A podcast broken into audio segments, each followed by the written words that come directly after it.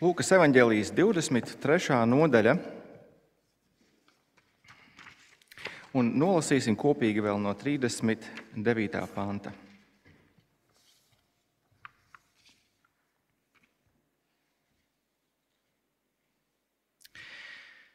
Viens no pakārtajiem noziedzniekiem viņu zaimoja sacīdams: Vai tad tu neesi Kristus? Izglāb pats sevi un arī mūsu, bet otrs viņu aprāja. Vai tu nebīsties Dieva?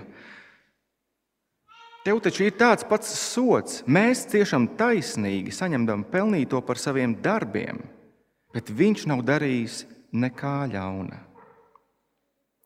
Un viņš sacīja, Jēzu, atceries mani, kad nāksi savā valstībā. Un Jēzus tam sacīja, patiesi es tev saku, šodien tu būsi ar mani paradīzē. Lūksim! Debesu Tēvs, lūdzam, lai nākot pie Tava vārda un domājot par Kristus krusta šausmīgu netaisnību, mums tajā atmirdzētu Tavas taisnības skaistums Kristus nopelna dēļ. Amen. Iespējams, šajās lieldienās vairāk nekā jebkad iepriekš mēs izjūtam bezspēcību, ļaunuma un netaisnības priekšā. Kāpēc Dievs pieļauj tik daudz šausmas un ciešanas šajā pasaulē? Kāpēc Dievs pieļauj Ukrainas iedzīvotāju iznīcināšanu? Kāpēc Dievs nesagrauj vardarbīgo Putina režīmu? Ir grūti iedomāties apmierinošu atbildi uz šiem jautājumiem. Pareizi. Bet varbūt Lieldienas ir īstais brīdis, lai par šiem jautājumiem domātu. Lielā piekdiena tās centrā ir notikums, kura, kurā dieva mīļotais dēls tiek nepatiesi apsūdzēts, netaisnīgi notiesāts un brutāli nogalināts. Un tāpēc, lai kādi būtu mūsu centieni noskaidrot dieva iemeslus, vienu mēs varam zināt droši. Dievs zina. Dievs jūt, Dievs saprot, ko nozīmē sirdi plosošas ciešanas. Bet kāpēc Dievs tās nenovērš? Lielā atbilde ir tāds bija viņa glābšanas plāns lielajā piekdienā. Vienīgais veids, kā iznīcināt grēka un ļaunuma varu, bija nonāvēt to kopā ar viņa mīļoto dēlu un viņa bezvainīgo valdnieku pie krusta. Un vienlaikus šim dieva plānam bija jāīstenojas, izgaismojot cilvēku netaisnību un ļaunumu.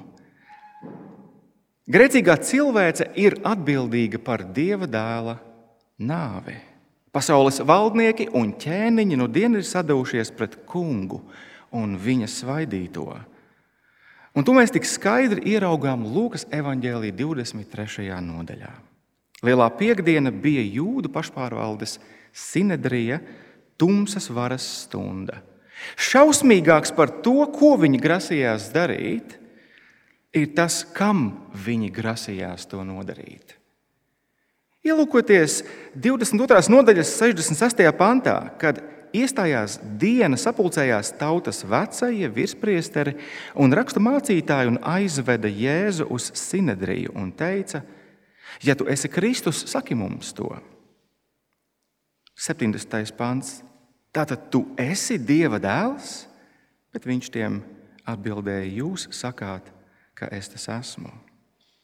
Uz apsūdzēto soliņa tiek nosēdināts Kristus Kungs. Un Lūka grib, lai mēs ieraugām, ka Jēzus notiesāšana, ciešanas un nāve ir šīs sātaniskās opozīcijas triumfs, tādā cilvēciskā izpildījumā. Bet, bet no otras puses, Lūka atklāja, ka atmetot dieva valdnieku, viņa ienaidnieki tikai nostiprina Kristus valdīšanu. Un tieši ļaujot sevi piesist krustā un neglābjot sevi, Jēzus atklājas kā valdnieks, kurš glābi tos, kas uz viņu paļaujas, tad nu visu pirms nepatiesi apsūdzēts, Jēzus tik tiešām ir Kristus. Mēs varam droši teikt, ka šī ir tumšākā stunda visas cilvēces vēsturē. Radība ir iedomājusies nosēdināt uz apsūdzēto soliņa savu radītāju. Nopietni! Kādas izredzes ir cilvēkam ejot tiesā ar Dievu? Kādas? Pilnīgi nekādas. Un tomēr, lai izgaismotos dieva ienaidnieku netaisnība un ļaunums, Jēzus, Jēzus nepamatotajā apsūdzēšanā, Dievs to pieļauj. Kristus apsēžas uz apsūdzēto soliņa. Cik pazemīgs ir mūsu kungs, cik pacietīgs, cik gudrs, cik taisnīgs savos nodomos. Kā pravietis Jesaja 53. nodaļā teica, kad viņš tika sodīts un spīdzināts, viņš padevās. Viņš neatdarīja savu muti. Kā jērs, ko ved nokaušanai, kā auss, kas paliek klusa savu cirpēju priekšā, tā viņš apklusa un neatdarīja savu muti. Jēzus tiek apsūdzēts nepatiesi. Vispirms jūdu var, eh, varas vīri apsūdz Jēzu Pilāta priekšā. Ieskatieties, eh, tad viss viņu pulks cēlās un veda Jēzu pie Pilāta 23. nodaļas sākumā. Tie sāka viņu apsūdzēt. Mēs atradām, ka viņš kūda mūsu tautu un aizliedz maksāt nodokļus Cēzaram un apgalvo, ka ir Kristus ķēniņš. Pilārs ir Romas varas vietvaldis Jūdejā. Viņam bija ļoti grūts uzdevums. Viņam bija jāgādā par varas balansu trauslajā ģeopolitiskajā situācijā. Viņš nebija personiski ieinteresēts Jēzus personā, un varbūt tāpēc 7. pantā viņš bija tik priecīgs, ka var pārsūtīt Jēzu pie Heroda, kurš bija daudz interesētāks Jēzus personā, kurš bija uh, tajā laikā uh, Jūdejā, kurš bija Jeruzalemē. Un Herods tiešām bija ieinteresēts. Ieskatieties, 8. pantā, ieraudzījis Jēzu, Herods ļoti nopriecājās, jo jau labu laiku vēlējās viņu redzēt. Tādēļ, ka bija dzirdējis par viņu un cerēja kādu zīmi no viņa ieraudzīt. Tas viņu visādi izjautāja, bet viņš neko tam neatbildēja. Kamēr, kamēr jūdu varas vīri fonā turpināja Jēzu neatlaidīgi apsūdzēt. Es domāju, ka Lūka grib, lai mēs izjūtam to, to patvaļas, to neaizskaramības sajūtu, ar kādu Herods nirgājās par Jēzu, un ar kādu Pilārs un Herods tik draudzīgi un smaidīgi sarokojās, kā mēs to ieraugām 12. pantā. Nu, Diena šeit piepildās mūsu otrā psalma vārdi, kur mēs lasījām dievkalpojuma sākumā. Ko gan iedomājas tautas, kas sazvērējušās, un ciltis, kas prāto tik tukšu vien. Sastājušies pasaules ķēniņi, vadoņi sadevušies kopā pret kungu un viņa svaidīto. Nomauksim viņa jūgu, nometīsim viņa virves. Šajās dienās mēs ļoti daudz domājam par šīm lietām pareizi. Cik patvaļīgi un neaizskarami jūtas daži labi valdnieki mūsu pasaulē. Putins iespējams domā, ja to vispār var nosaukt par domāšanu, ka viņš ar šo spēcoperāciju kalpo visaugstākajam. Bet, bet ikdienā šai sazvērestībai nemaz nav jāizskatās tik draudīgai, tai nav jāizskatās tik vardarbīgai. Pilārs un Herods labprāt palika neitrāli.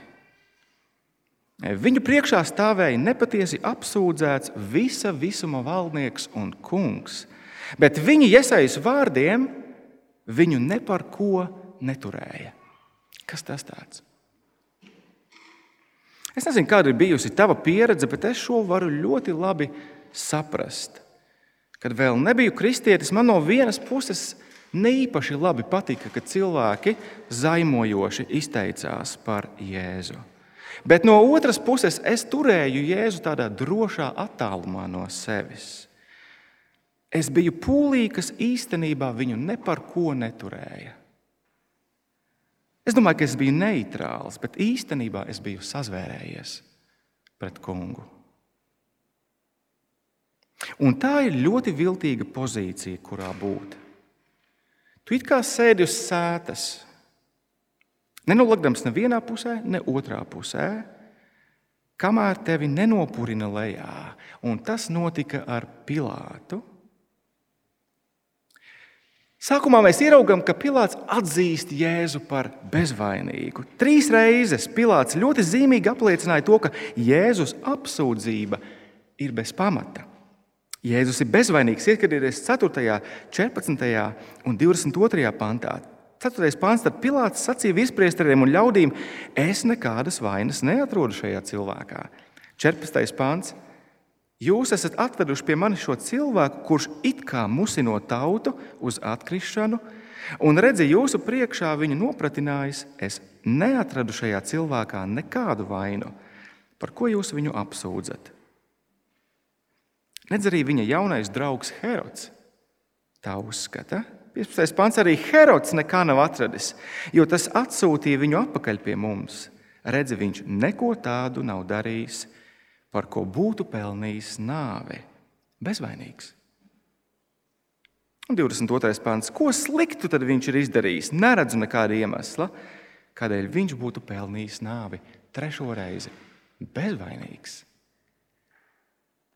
Bet atšķirībā no noziedznieka pie krusta un karavīra krusta pakājē, šī atziņa neko nepaveica Herodā un Pilātā. Pilnīgi neko.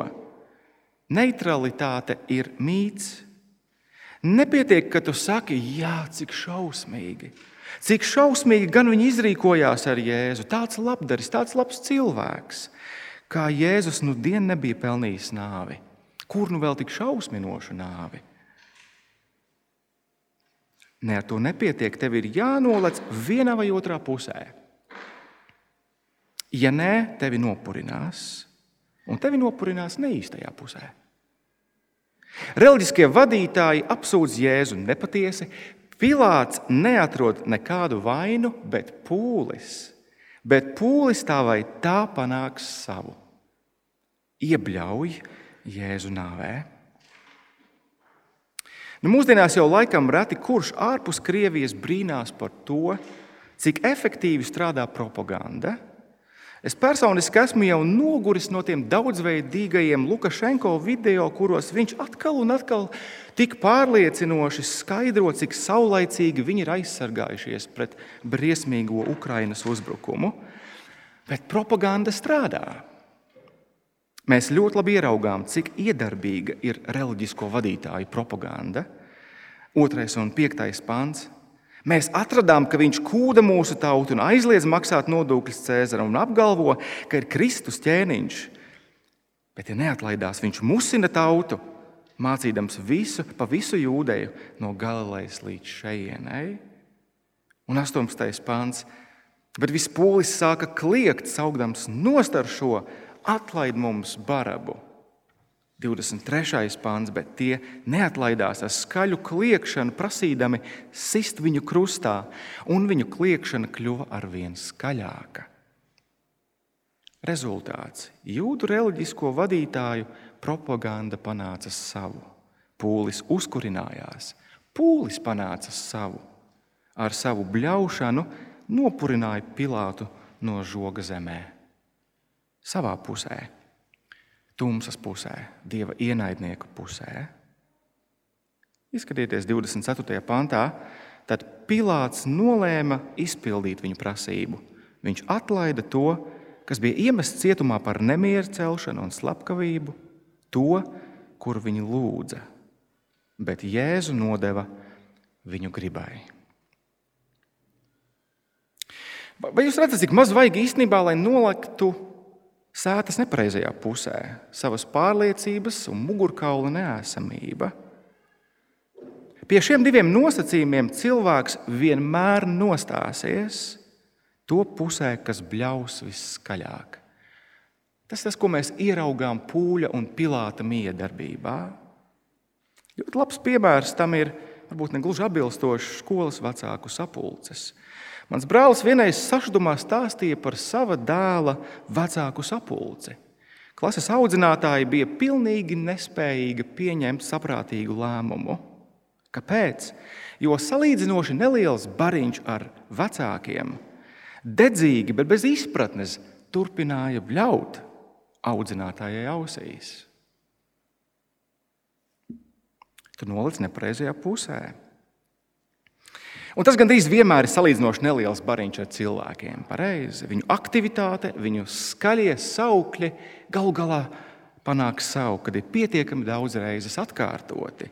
Godu, cieņu, taisnību visiem. Dažādība, vienlīdzība, vienotība. Mīlestība ir mīlestība. Mīlestība pārspēja naidu. Neviens nav brīvs, ja kāds ir apspiests. Mans ķermenis, manas tiesības, un tā tālāk, un tā joprojām. Ar pareizajiem sakariem varas gaiteņos, akadēmiskajā telpā, mediju vidē ir iespējams paveikt ļoti, ļoti lielas lietas. Ir iespējams apiet likumu, izdabī, izdabūt neargumentētu tiesas spriedumu, šantažēt likumdevēju. Piemēram, partnerattiecību likuma jautājums. Skaidrs, ka tas ir pirmais solis uz laulības, vienzimuma laulības institūta nostiprināšanu Latvijas Republikas likumdošanā. Un, draugi, mums ir jāierauga, ka mēs jau īstenībā nekur tālu neesam šajā situācijā. Tā ir tāda pati tumsības vara, kas atmet dieva un grib, grib nostiprināt savu taisnību, kas atmet dieva valdnieku un grib valdīt viņa vietā. Un tā stratēģija ir nemainīga. Dievs uz apsūdzēto soliņa, nepatiesi apsūdzēts par radīto labo kārtību un iedibinātajiem labajiem likumiem. Bet tā kā Dievs, Dieva radībā kārtība tā ir pilnīga, tad pēc būtības ir neiespējami pierādīt dieva vainu.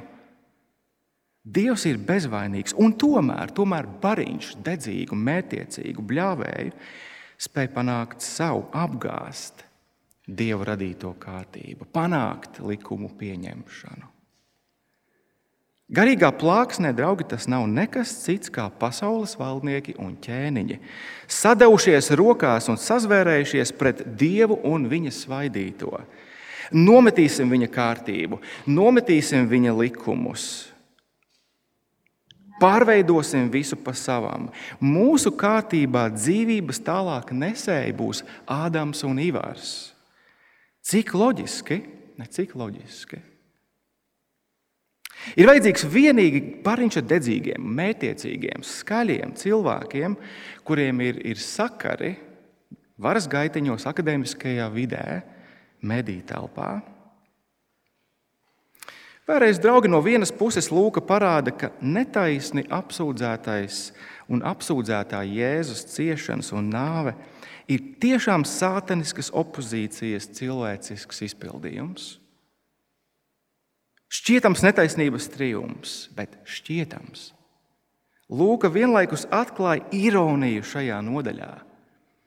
Pirmkārt, atmetot dievu valdnieku, viņa pretinieki vēl nesaprot, ka viņi tikai nostiprina Kristus valdīšanas pozīciju. Un otrkārt, ļaujot sevi piesist krustā, neglābjot citus, sevi atvainojos, Jēzus atklājas kā valdnieks, kurš, kurš glāb citus. Mirstot pie krusta, Jēzus ir Kristus. Īstenībā Lūk ir pārsteidzoši skops attiecībā pret Jēzus krusta ciešanām. 33. pāns, kad viņi nonāca vietā, ko sauc par galvas kausa, tie sita viņu krustā. Viss. Saprotams, ka Jēzus cilvēciskās ciešanas pie krusta tās bija šausminošas. Tas bija mokošas. Mums atliek tikai palasīt pirmā gadsimta vēsturnieku liecības, un aprakstu par to, kā notika krustā sišana, lai mums uz līdzenas vietas paliktu slikti. Taču Lūka nedramatizē Jēzus ciešanas šajā nodaļā. Jūs ievērojāt? Varētu pat teikt, ka Jēzus krusta ciešanas nav galvenais, ko Lūka cenšas izcelt, viņam vairāk rūp, lai mēs ieraugām, ka savā ciešanās Jēzus atklājas kā Dieva valdnieks. Ka pie krusta Jēzus atklājas kā Kristus, kurš glābj citus, neglābdams sevi. Un šī patiesība paliek apslēpta tiem, kas atmet Jēzu, bet atklājas tiem, kas uz viņu paļaujas. Mirstot pie krusta, Jēzus ir Kristus, kurš sēž pie Dieva labās rokas. Atcerieties, 69. pantā, 22. nodaļā, kā sākumā tautas vecai virspriesteri un rakstu mācītājs zobus griezdami, bet berzēja rokas. Beidzot, viņi ir saņēmuši apstiprinājumu tam, ka Jēzus ir zaimotājs, kurš ir pelnījis nāvi. 67. pants, ja tu esi Kristus, saki mums to. Galdnieka dēls no Galilejas apgalvo, ka ir mesija. Jā, tas bija aizdomīgi, bet ne gluži zaimojoši. Jūdaismā mesijas titulam tam vēl nebija gluži dievišķs status. Bībeles liecības par mesijas titulu, jā, tā ir pavisam cita lieta. Bet apgalvot melns uz balta, ka es esmu dieva dēls, tas bija bingo. 69. pants, bet no šī brīža cilvēka dēls sēdēs pie varenā dieva labās rokas. Un tad viņi jautāja, tad tu esi dieva dēls? Bet viņš tam atbildēja, jūs sakāt, ka es tas esmu. Šī forma, kurā Jēzus saka, jūs apgalvojat to, bet jūs tam neticat. No šī brīža jūdu vadītāji bija pilnīgi pārliecināti, ka Dievs ir viņu pusē. Un viņiem šis zaimojošais vīrs ir jānogalina. Galdnieka dēls no Galilejas apgalvo, ka ir Dievs. Un ironija visā šajā šausmīgajā netaisnībā ir tā, ka nepelnīti notiesājot un piesitot Jēzu krustā, jūdu vadītāji efektīvi nogādā Jēzu šajā pelnītajā tronī, Dievam pie labās rokas. Cik tas ir ironiski? Jēzus ir Kristus, viņš ir cilvēka dēls, viņš ir Dieva dēls, kurš spriedīs tiesu pār visiem Dieva ienaidniekiem. Bet no šī brīža cilvēka dēls sēdēs pie varnā Dieva labās rokas. Bet otrkārt, Lūka parāda, ka savā krusta nāvē Jēzus ir Dieva valdnieks, kurš glābi, kurš glābi tos, kas uz viņu paļaujas. Vai jūs pamanījāt, ka trīs reizes dažādi cilvēki pieprasa Jēzum pierādīt to, ka viņš ir Kristus, glābjot sevi? Ieskatieties, 35. pantā, jūdu vadoņi. Citus viņš glāba, lai izglābtu pats sevi, ja viņš ir Kristus, Dieva izredzētais. Lūk, kā mēs zināsim. Vai karēvi 38. pantā arī karēvi nāca klāt un deva viņam etiķi un par viņu ņirgājās. Ja tu esi jūdu ķēniņš, izglāb pats sevi. Un visbeidzot, noziedznieks pie krusta 39. pantā. Vai tad tu nēsi Kristus, izglāb pats sevi un arī mūsu? Jūda un karavīru skatījumā Jēzus nevarēja būt mesija, jo viņš karājās pie krusta. Lai kādus brīnuma darbus arī Jēzus neveica iepriekš, glābdams tik daudz un dažādus cilvēkus, viņš nevar būt Kristus, jo viņš karājas pie krusta. Tā domā jūdi un musulmaņi joprojām. Jēzus nevarēja būt mesija. Tā domā ik viena cilvēka mīsīgais prāts. Līdzīgi domāja viens no noziedzniekiem pie krusta. Vēlreiz, vai tu neesi Kristus? Izglāb pats sevi un arī mūsu. Jēzu, ja tu nesi mesija, kāds man ir vajadzīgs, citiem vārdiem sakot, tu neesi nekāds mesija. Tu neesi devis manai dzīvei to vajadzīgo piepildījumu, pēc kā es alku. Tu nepasargāji manu laulāto draugu, manu bērnu no navējošas slimības. Lai arī es tik daudz lūdzos, tu nevari būt īsts mesija. Un vispār mana dzīve visu laiku ir sajūta, ka tā iet pret kalnu. Ja tu būtu īsts mesija, tu to nepieļautu. Un tā saka mīsīgais prāts. Bet Lūka ļoti, ļoti grib, lai mēs šādi nesarūktinātos, lai mēs nekad nesāktu tā žēlot sevi, domājot par Kristus krustu. Tāpēc nobeigumā ļoti īsi viens brīdinājums un viens iedrošinājums.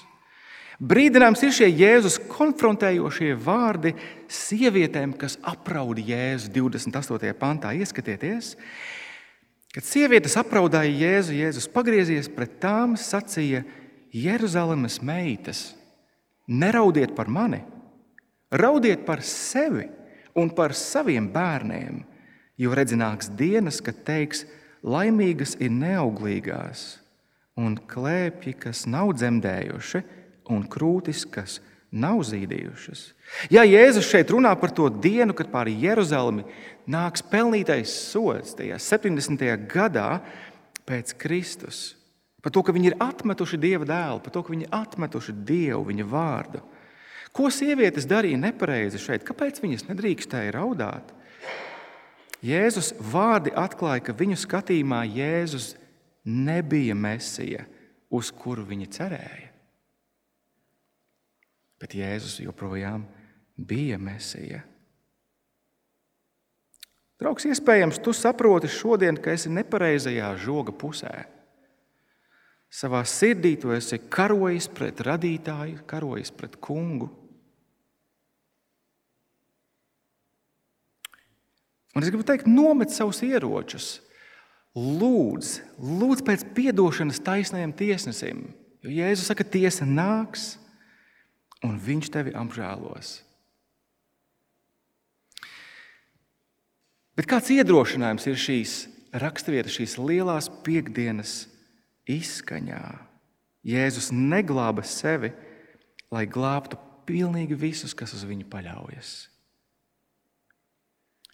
Šie iedrošinošie vārdi 42. pantā no viena no noziedzniekiem Jēzu atceries mani, kad nāksi savā valstībā. Un Jēzus tam sacīja: Patiesi es tev saku, šodien tu būsi ar mani paradīzē. Kungs, kas redz sirdis, glābi visneticamākos cilvēkus visneiespējamākajās vietās. Jūs pamanījāt, cik, cik maza, cik īsa, cik neredzama saruna. Bet Jēzus, kurš redz sirdis, glāb visneticamākos cilvēkus, visneiespējamākajās vietās. Kāds iedrošinājums Kristū tas ir visiem tiem, kas lūdzot pārdzīvo par saviem tojiem un mīļajiem, kas ir uz nāves mūžības sliekšņa. Kristu piemini mani. Tu būsi ar mani. Cik vienkārši. Kristu piemini mani. Tu būsi ar mani. Bet, draugi, noslēgumā kāds iedrošinājums pie krusta tas bija pašam Jēzum. Jēzus tur nomocīts, bez spēka, karājoties pie krusta, ieraudzīja, mans tēvs ir uzticams. Pirms Jēzus nodot savu garu tēva rokās, viņš piedzīvo, viņš piedzīvo sava darba augļus. Kā pravietis Iesai 53. nodaļā teica, Jā, kungam patikās viņu satriekt ar sērgu. Nolicis pats sevi par vainas upuri, viņš piedzīvos pēcnācējus. Viņš nodzīvos ilgu mūžu un darīs, lai notiek, kas kungam tīk. Kristus ieraudzīja jau savus pēcnācējus gara acīm. Viņš saņēma iedrošinājumu par dzīvi mūžīgo. Lūksim!